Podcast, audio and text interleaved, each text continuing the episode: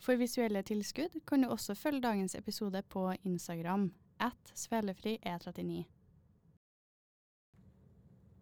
Det første steget i kommunikasjon er å forlate fordommene. Folk er ikke alltid motvillige til endring, og ingeniører ønsker ikke nødvendigvis å bygge bruer. Det er dette media vil eh, at vi skal tenke, men bare fordi det hjelper dem å få flere klikk og selge flere aviser.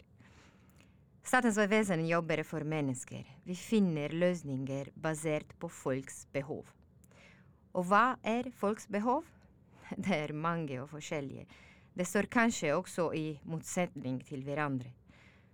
På bakgrunn av dette driver Statens vegvesen sine vedtak ut fra kriterier som er definerte på nasjonal myndighetsnivå. Disse kriteriene forteller hvem vi er, og hvor vi ønsker å gå videre. Så la oss starte med hvorfor. Hvorfor bygge en bro?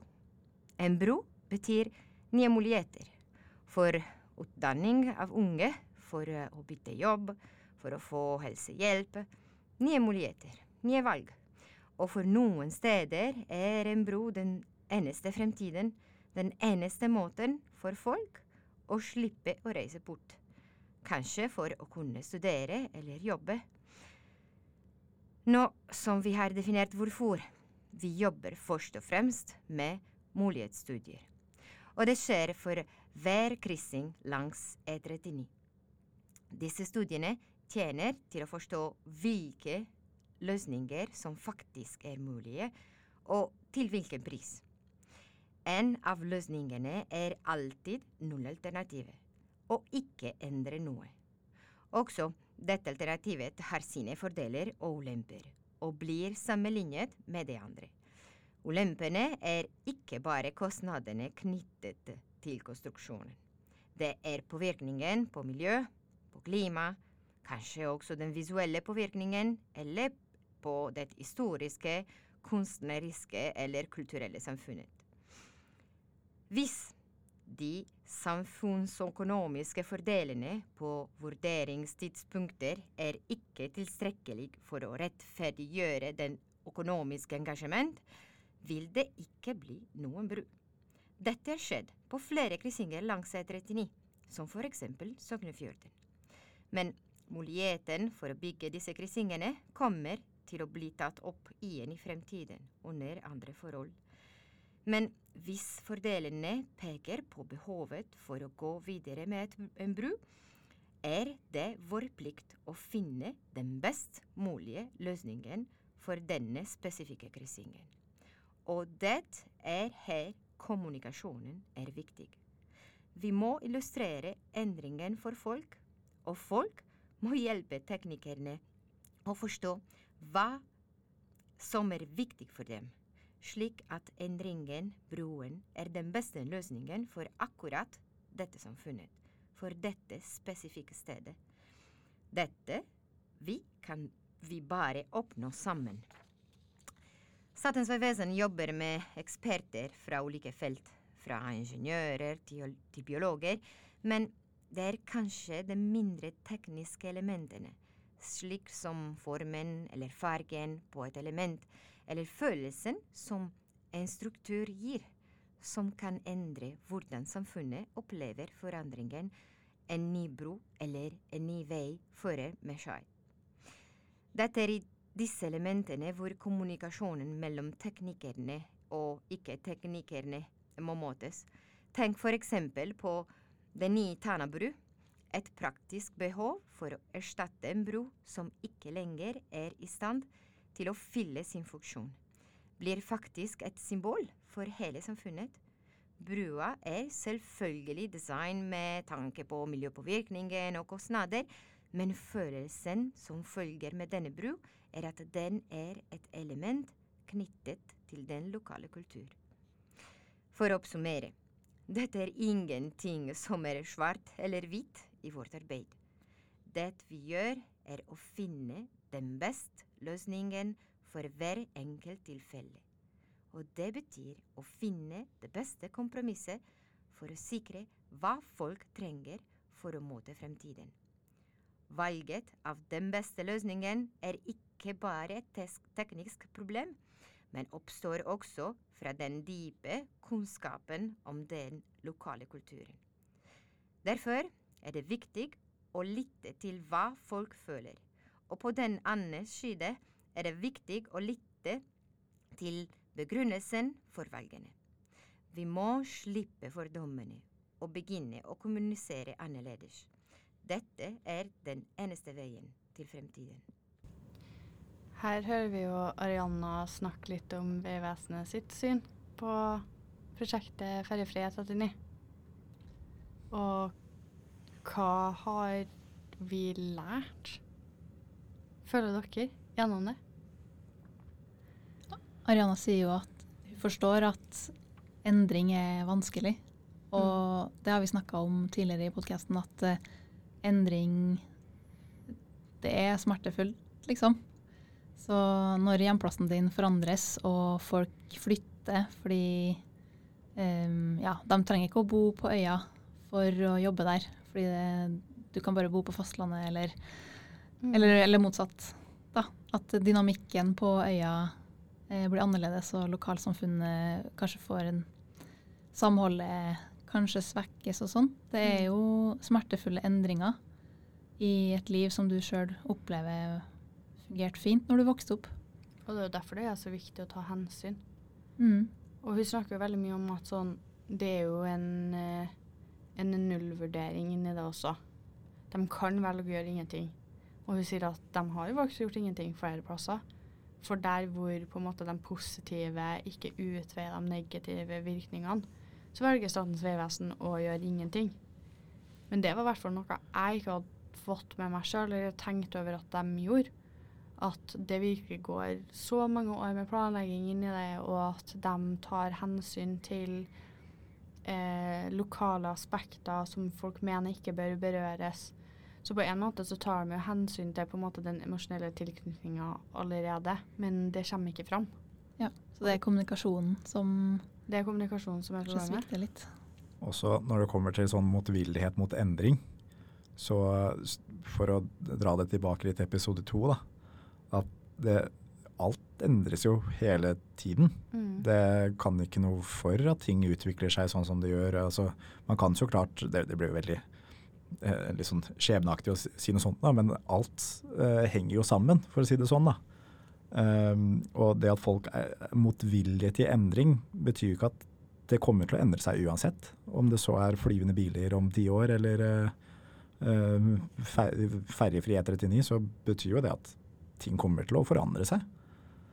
Rett og slett. Ariana sier jo at eh, hvis du beregner på en levetid på 100 år på en av de nye broene, ehm, så kan du ikke bare Det er det jeg har slitt litt med, å få den matten til å gå opp. For sånn, Det koster penger å bygge en bru, og det koster penger å kjøre en ferge, det skjønner jeg. Uh, og det er klimautslipp når du bygger en bru, masse, men ferja må du bare kjøre. Og sier du ja, men en bru har en levetid på minimum 100 år, og ferjene må byttes ut sånn ca. hver 25.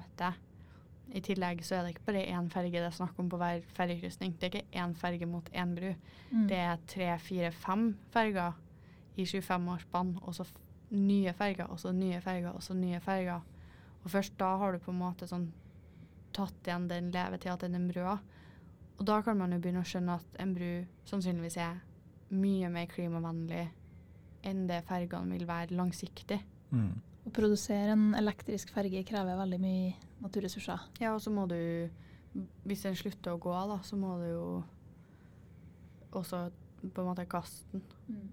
Men samtidig så eh, Problemene med klimaet framover de peker kanskje på at vi burde ha mindre vekst, og kanskje mindre, mindre reising og sånne ting. Ja, potensielt. Så hvis vi utbedrer et sånn veinettverk som bygger på at vi kan opprettholde dagens sånn standard og vekst, så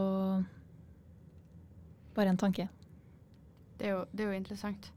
Men så er det også det med eh, Hvis vi slutter å kjøre eh, bil da, privat, så vil du da ha veldig gode veier å kjøre oppover. Og eh, i forhold til den transporten av varer. Og det kommer jo alltid til å være noe vi trenger. Ehm, I tillegg til at uh, hvis vi kjører mindre, så blir jo veiene også mindre fort slitt. Så må vi ikke utbedre dem like fort som vi kanskje en gang hadde tenkt. De broene blir jo kanskje litt værbitt, men uh, jo mindre biler som kjører på dem, jo, jo bedre holder de jo. Og en ting, ting jeg syns har vært veldig morsomt, da, er det at uh, alle vi snakker med som er negative, er sånn her Nei, det er en del av min norske identitet at det her er en del av kulturen jeg tenker på, som ferger som kulturarv eller um, havet generelt. da. Hvorfor skal dere rote med denne utsikta jeg har? Den her liker jeg, og eh, jeg er norsk og jeg vil se på havet. Men eh, når vi starta det prosjektet her, og vi er jo alle litt sånn samfunnsfaglige, så ble vi jo spurt Nå skal jeg henge deg ut litt, Liv. Liv ble spurt om eh, hvor masse du tenker på havet, da. Og hvor Ja. mye var det? Ingenting. Jeg ble spurt av eh, læreren vår på humanister i praksis om hvor, mye, hvor stor del av livet mitt havet var, og i fagfeltet mitt, som er kulturminneforvaltning, hvor mye plass havet har. Hittil så ingenting. Og jeg og du, har ikke tenkt på havet. Ikke meg heller. Og jeg og du var jo ganske negativ på en måte i starten, og var veldig så motsatt oss det. Så jeg er det litt, kanskje litt bortkasta altså, energi å, å gå og hisse seg opp over endringer før man tar på en måte inn i betraktning alle de positive aspektene det kan bringe med seg. For det merker jeg. Jeg var veldig sur for at svela skulle forsvinne, og at jeg ikke kunne få ta kaffepausen min på dekk av ferga. Ja. Men eh, kommer jeg til å på en måte sitte og tenke på det og savne det når, eh, når jeg kjører over en bru og er god og varm i bilen og ikke må gå inn for at jeg har fått frostbitt på tærne for at jeg på død og liv skal være norsk. uh, jeg og Liv har veldig bra eh, positive opplevelser med brua. Nei, med brua sier jeg med ferga. Og så har jeg sånn negativ opplevelse med f.eks. sånn brua på Skansen som er lukka, og så plutselig så må du gå hele veien tilbake til Pyrebadet for å komme deg inn til byen igjen. Oh, ja. um, mens du, da, og det her er jo veldig individuelt igjen, har en veldig dårlig fergeopplevelse og en veldig koselig bruopplevelse hvor du fikk historien om brua, og nå skal du bli historiker, og du elsker bruene. Og det sier jo kanskje litt om hvor viktig på en måte oppvekst og hva du er vant til, og hva som setter igjen gode minner, har å si for hvilken innstilling du tar deg til forskjellige endringer. da. Mm. De som passer deg, kommer du til å være positivt innstilt til, og de som ikke gjør det, er du ikke det. Og, og da kommer den der eh, gråsonen igjen, da, hvor man må snakke om ok, hvilken pris er man villig til å betale for noe positivt, hva er man ikke villig til å gjøre, og uh, hva er det som faktisk uh, hva, hva blir rett hvis uh, 60% stemmer ja, 40% stemmer nei? For du snakker faktisk fortsatt et ganske stort antall med individer som hvis du går for på en måte den bare generelle demokratiske, og ikke 60% ville ha det. Og at øysamfunn med på en måte 1500 mennesker, da, så det er fortsatt ganske mange som ikke vil. Og er det, er det greit å ikke høre på dem? Ja, altså, det er ikke sikkert at folk eh, ikke nødvendigvis ikke Eller om Det er ikke sikkert at folk ikke vil ha en bro, egentlig. Eh, men de vil kanskje ikke ha et beist eller et monster. Så det er jo der den medbestemmelsen kan komme inn. da. Man får, kan få si litt mer om hvordan, hva er som er viktig. Og sånn lokalkunnskap kan eh, spille inn når man f.eks. skal ta høyde for um, fugleliv eller eh, marinliv eller noe sånt. Mm. Det finnes veldig mye kunnskap på de lokale plassene. Ja, Så, så, som, eh, det er ikke at de ikke, ikke vil ha en bro, men at de vet at det kan skade eh, dyrelivet på en eller annen måte, og da kan man si sin mening, og så kan man bygge en bro som ikke ødelegger for eh, hacking eller noen ting. da. Det roter jo ned til kommunikasjon igjen. Da. At folk føler de ikke har eh, stemmen til å si ifra. Og at uh, Vegvesenet ikke hører noe. Og at den eneste kilden man får som er utenforstående, egentlig er medieartiklene som er utelukkende negative fra um, befolkninga sin side. Med én sånn derre hvert tredje år sånn Ny strekning åpna på E39. Og noen folk som står liksom smiler i, i sånn vester foran og byggehatter og sånn. Ja. Men det det skildrer jo ikke, det skildrer jo ikke prosjektet i det hele tatt. Jeg føler fortsatt at vi, vi bare skraper overflata av det.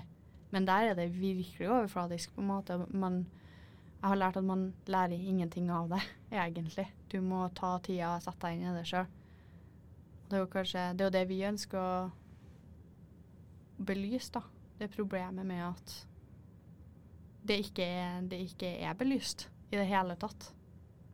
Alle stegene og hvor du kan finne informasjon og Mm. Det er jo viktige folkedemokratiske prinsipper. Ja. For å skyte inn det. At uh, folk skal ha medbestemmelse, Ja. men at den også skal være reell. Ja, og ikke minst at informasjon, i hvert fall fra staten, ser jeg for meg, av det som er relevant for folk, sånn sett, skal være så gjennomsiktig som mulig. Mm. Uten at uh, Altså, det, det er jo én ting hvis du da skal plutselig snakke om etterretningstjenesten. Ja, det er greit at vi ikke trenger å vite alt der, men når du kommer til prosjekter som virkelig går inn på liksom, dagliglivet til folk, så er det jo ganske fint å kunne faktisk være helt med på å forstå. Og det, det er jo kanskje det viktigste, å faktisk klare å forstå hva et prosjekt innebærer, og hvordan det kommer til å se ut. da. For både deg selv og for de rundt deg, og liksom hvordan det påvirker dagliglivet sånn sett. For det kan være så tilgjengelig som, som bare det. Men hvis det liksom ikke er skrevet i klarspråk, og da mener jeg ikke sånn rent tekstlig klarspråk, men at det er en form som man orker å høre på, Mm. da er det jo mer gjennomsiktig. I meldinga Jeg, jeg skal bare lese opp der. For i meldinga fra Stortinget om transport nå, det neste året, så står det om på en måte korridoren mellom Stavanger og Trondheim. Da. Så det er ikke hele strekninga, men det er jo en god del av strekninga. står det at korridoren binder sammen viktige byer langs vestlandskysten og er viktig for utenrikshandel med betydelig import- og eksportvolumer. E39 er hovedåren for veitransport mellom Stavanger, Bergen, Ålesund og Trondheim. Riksvei 9 fra Kristiansand til Haukeli og riksvei 13 fra Skaret til Sogndal har en lokal og regional funksjon for mange kommuner og lokalsamfunn. Det er mange havner i korridoren, og det er utstrakt bruk av sjøtransport. Det er flere lufthavner i korridoren, hvorav flere internasjonale eh, flyforbindelser blir flydd gjennom. Da, på en måte. Og det er jo en, det er en bra oversikt om hva det er som ligger langs her. Men så fokuserer regjeringa hovedsakelig på, på måte det økonomiske. Og Statens vegvesen gir oss jo bare prosjektplaner eh, om det tekniske og det byggmessige. Og da er det jo ingen som opplyser om på en måte det menneskelige aspektet, at det er mennesker inni der. Liv kommenterte før vi begynte å spille inn podkast at hun hadde også lest gjennom en del sånne her dokument. Jeg hadde lest gjennom en del sånne her dokument, og det er ingen mennesker noen plass. Du ser ingen skildringer av menneskelivet som er der. Det er rent økonomisk eller rent teknisk. Det er jo et massivt problem. Mm. Bare du ser på um, sånn eh, bilder som deles på alle de her nettsidene og sånn, så er det ingen mennesker, som du sier. Jeg satt og leita gjennom for å finne et bilde av et menneske. Det Ja. var ikke det. Jeg har blitt litt sånn fascinert over de her broene. Jeg syns det virker spennende. Jeg har lært mer om teknologien og forholdet til klima og miljø som de broene har. Men jeg vet at hvis jeg blir omvendt nå, så blir jeg altså arveløs Mm. og kasta ut av slekta. For det har en nostalgisk familie. Så jeg kan liksom ikke, hvis Ok. du ikke forstår. Så det, det er jo litt med tradisjoner og minner og identitet å gjøre. Og det, det er jo, altså vi i Norge er jo veldig, føler jeg i hvert fall, er veldig glad i tradisjoner og eh, veldig glad i å liksom minnes vår identitet som nordmenn. da. Om det så skulle være vikinger eller, eh, ja, vi liker kanskje ikke svensker eller dansker, men likevel så er det jo dette her med tradisjoner sånt. Vi holder jo på det eh, med klør og nebb, så å si. Vi gjør jo det. Jeg syns at det, det et interessant eh, segway inn i Liv tok opp et poeng eh, når vi satt og jobba en dag, om det der med at eh, norsk identitet også kan eh, knyttes til der å være pionerer innenfor eh, olje og sånn, da. Det er jo også en integral del av vår identitet. Mm, Og- så en, ja, unnskyld. Ja, nei. Og så er det det der med eh, teknologien bak de bruene her, da. At den bygger litt på eh, sånn som man bygger opp oljeplattformer. Og da ble jeg litt sånn Wow, kult! Nå ble jeg veldig positivt innstilt til broa. Ja, det, det er ett aspekt. Og en annen ting var jo eh, et av de for, andre alternativene til bruer, sånn rørbru, tunnel eh, under eh, havet, rett og slett. Eh, Flytende rørbru. At det var jo ikke Det er jo ikke forsøkt noe sted før det. Og at vi da sånn sett også kan bli pionerer på et område som kanskje kan revolusjonere tunnel slash brobygging i andre land også, det er jo spennende. Det er jo kjempeinteressant. Det jobbes jo med sånn uh, utvikling av enda mer klimavennlige materialer for de her type broene. da. Uh, både rørbru og noen av de andre forslagene. Um, sånn enda mer miljøvennlig måte å lage betong på. Eller betong er ikke miljøvennlig i bunn og grunn, men det jobbes med å gjøre det mer miljøvennlig eller noe. ting. Ja. Mm. Og det er jo gjerne en fordel. For vi har jo snakket om eh, det med ferjer, og hvordan de er eh, det blir brent ut, rett og slett, holdt på å si, Mm. i forhold til bruer. Da er det jo gjerne en fordel hvis man, hvis man først skal fokusere på bruer, at man da gjør hele den prosessen så klimavennlig som mulig. Da er det litt kult hvis nordmenn, Norge er pionerer på å bygge så miljøvennlige bruer som mulig, og kanskje bli først i verden til å lage en rørbro. Som attpåtil er klimapositiv, og ikke bare klimavennlig.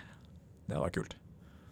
Og eh, det, det, var, det var vel litt snakk om eh, at man, hvis man først f.eks. har en sånn rørebru, at man kan eh, ha fuglereservat på toppen på sånne potonger, eller hva enn det heter for noe. Mm. Og ikke bare det, men hun snakka om, snakket om å, å lage et ekstra skjell på utsida av den. Sånn at du kunne lage økosystemer for fisker lenger opp i vannet.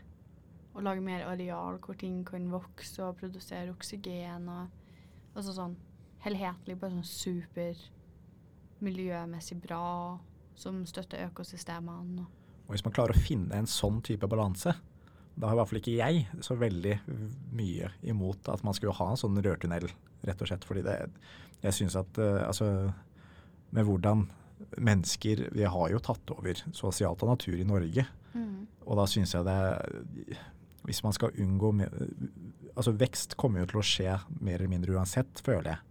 Så hvis man da klarer å faktisk inngå en balanse, helst ja, gjerne i favør av klima, så klart, men å ha en sånn balanse som tar vare på begge aspekter, både menneskelig regional utvikling eller noe sånt noe, og naturen, så er jo det et veldig bra holdt på å si, kompromiss. da.